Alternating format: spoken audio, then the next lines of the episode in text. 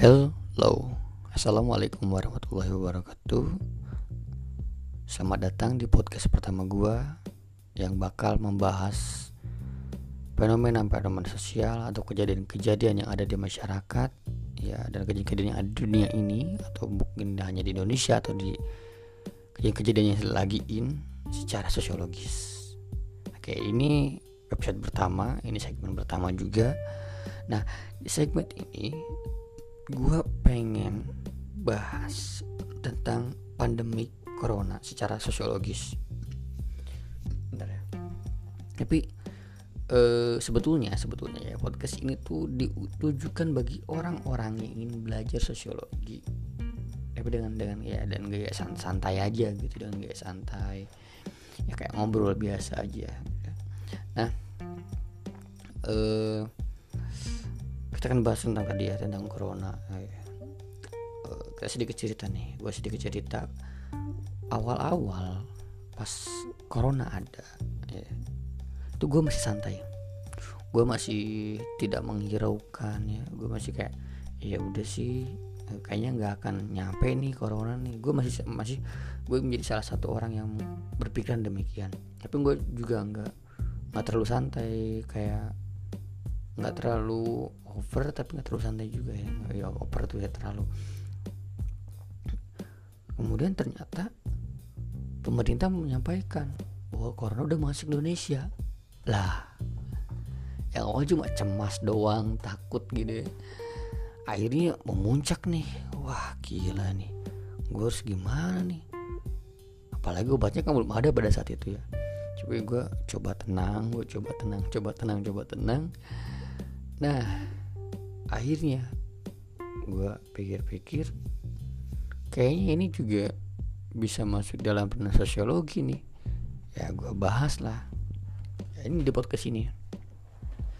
Kalau diperhatikan ya karena tadi takut cemas itu sebetulnya ya logis lah ya. Seseorang pasti merasa ketakutan ketika ada sesuatu yang mengancam. Itu kan alamiah kemudian juga kalau misalkan diperhatikan masyarakat tuh kan dinamis. Jadi seperti itu berubah-ubah. Nggak mungkin kayak gitu aja masyarakat tuh. Apalagi ketika ada perubahan sosial ini mungkin termasuk dalam perubahan sosial ya. Faktor yang mendorong perubahan sosial. Jadi mau nggak mau cara dipaksa secara terpaksa lo harus berubah. Yang tadinya lo uh, semuanya berkegiatan di luar kemudian lo harus di rumah. Mungkin ya beberapa orang yang belum uh, bisa bisa diem di rumah ya moga-moga sehat terus dan jaga kesehatan ya. Jangan lupa cuci tangan dan rajin-rajin ibadah lain intinya. Nah jadi semua sektor jadi berubah. Dunia maya ya online online itu ya itu uh, jadi jadi laku ya. Jadi digandrungi jadi semakin laku. Jadi ada yang kerja dari rumah menggunakan aplikasi-aplikasi video call kemudian ya berbala, berbalas pesan lewat email lewat ya apa WhatsApp Instagram dan lain sebagainya. Nah ini kalau di di dikaji lagi maka ini menjadi salah satu penyebab kenapa masyarakat bisa berubah. Ini nih faktor pendorong perubahan sosial. Lo mau nggak mau ini lo mau nggak mau pandemi ini merubah kegiatan lo mungkin yang tadinya lo biasanya nongkrong bisa 180 derajat lo jadi diem di rumah. Nah ini juga bisa jadi secara sosiologis. Tapi ya kondisi ini ternyata menekan masyarakat yang pada akhirnya sebagian masyarakat jadi panik buying. Beli sana sini beli masker hand sanitizer. Oh gila itu banyak banget yang ngeborong. Apalagi yang menimbun ini ini uh, ternyata kondisi seperti ini dimanfaatkan oleh sebagian kelompok untuk menimbun. Terlalu oportunis kalau menurut gue ini. Orang-orang seperti ini terlalu oportunis. Jadi dia membeli semuanya diborong kemudian dijual dengan harga mahal. Ya mungkin ini bisa dikaji nih oleh anak-anak ekonomi ini. Kenapa nih orang seperti ini? Kesel juga nih gue ini. Nah di selain itu ya selain ternyata um, perubahan ini juga mendorong tadi ya penyimpangan sosial. Bahkan mungkin ini bisa termasuk dalam kriminalitas selama kelamaan kalau menurut gue ya. ternyata gue juga baca ada sebuah berita ada warga di Sumatera gue lupa di mana tepatnya di Medan kalau nggak salah. Dia nyaris diusir oleh warga warga setempat di kampungannya. Karena dia dari Pulau Jawa terus dia mudik nih ke ke Medan terus dia mau terus dia uh, nyaris diusir pada saat itu. Ya artikel yang gue baca seperti itu. Nah ini ya sudah menunjukkan adanya disorganisasi sosial. Coba deh lo ngaku deh. Atau ya gue juga sih salah satu yang seperti itu ya tapi uh, setelah gue pikir-pikir ya udah sih lah mungkin ya memang itu batuk biasa. Ketika kita dengar orang batuk bersin depan kita itu pasti worrynya wah kayak khawatir banget dong. Ini kayaknya dikena deh. Kita was was gitu dia kita jadi nyangka nyangka orang kayak ini kayaknya dia kena deh kayaknya kena deh kayaknya kena deh. Nah ketika ada rekan kerja gue yang sakit panas ya pada saat itu gue juga jadi mikir apa dia suspek ya? Wah gue takut nih kalau ketemu dia nih.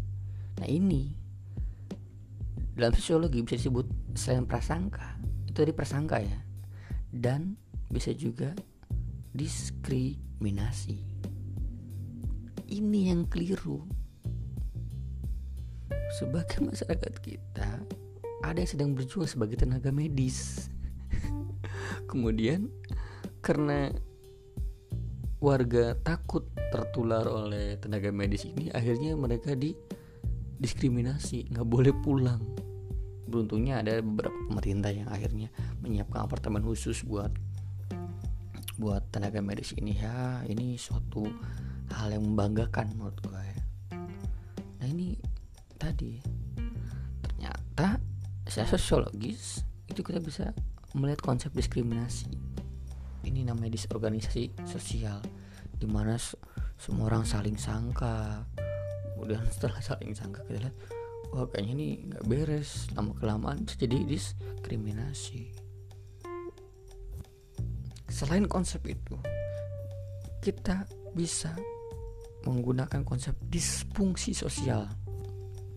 Jadi kan karena corona ini semua orang jadi perannya berbeda-beda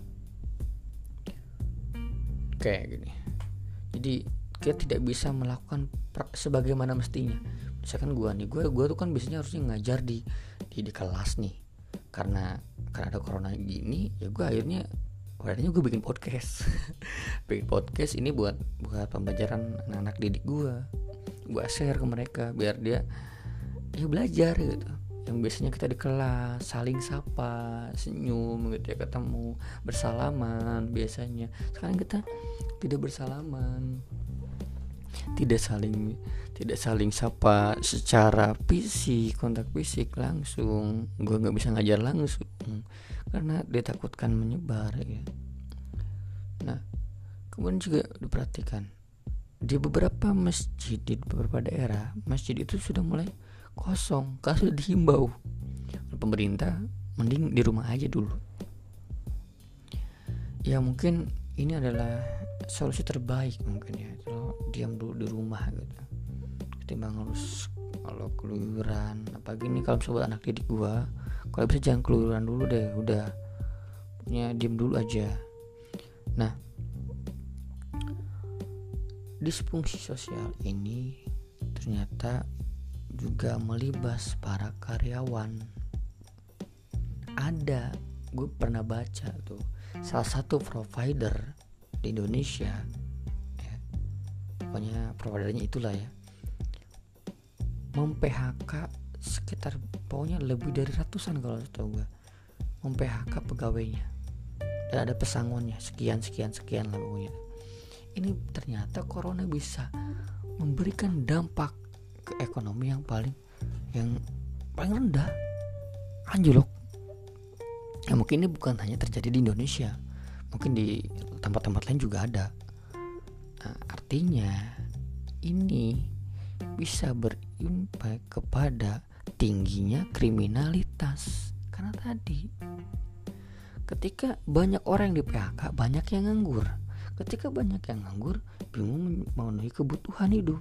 Kebutuhan hidup tidak terpenuhi akhirnya dia bisa saja melakukan kriminalitas.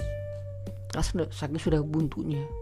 Bisnis misalkan nggak bisa dia bisa bisnis tapi bingung misalkan karena corona siapa yang mau beli nah ini bisa menjadi kausalitas ya hukum sebab akibat. Oke selanjutnya kita juga bisa bahas di adanya perubahan budaya. Jelas ini. Tradisi kita mudik di setiap hari Idul Fitri itu mungkin bisa dikatakan jadi sebuah budaya ya. Karena kita uh, sowan ke keluarga sanak saudara yang saat ini sangat disayangkan sekali. Kita anjurkan tidak mudik sebetulnya. Kalau mudik ternyata kan konsekuensinya berat harus isolasi dulu dong. Selama 14 hari di sana. Nanti pulang 14 hari lagi. Itu kan ya wasting time banget kan nggak bisa habisin waktu. Jadi buat apa daripada kayak gitu ya mending mending mending nggak usah ke sana mending nggak usah mudik diem aja. Dan itu kan adalah sebuah tradisi atau budaya di kita yang lama kelamaan akan menghilang. Tetap muka digantikan oleh perantara kuota yang yang enak mungkin provider ya oke okay. jadi eh, mungkin itu dulu saja ya yang yang bisa gue bahas di kita bahas di, di lain di lain kesempatan kita bahas lebih dalam tentang tentang corona ini atau fenomena-fenomena yang terjadi. Oke. Oh iya, sedikit informasi saja ya. Untuk anak didik gue kalau bisa nanti cari bahan-bahan buat kita diskusi dan tolong disampaikan melalui grup okay?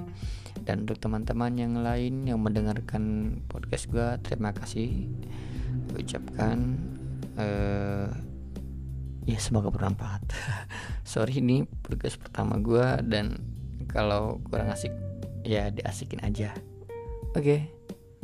sekian. Wassalamualaikum warahmatullahi wabarakatuh. Hello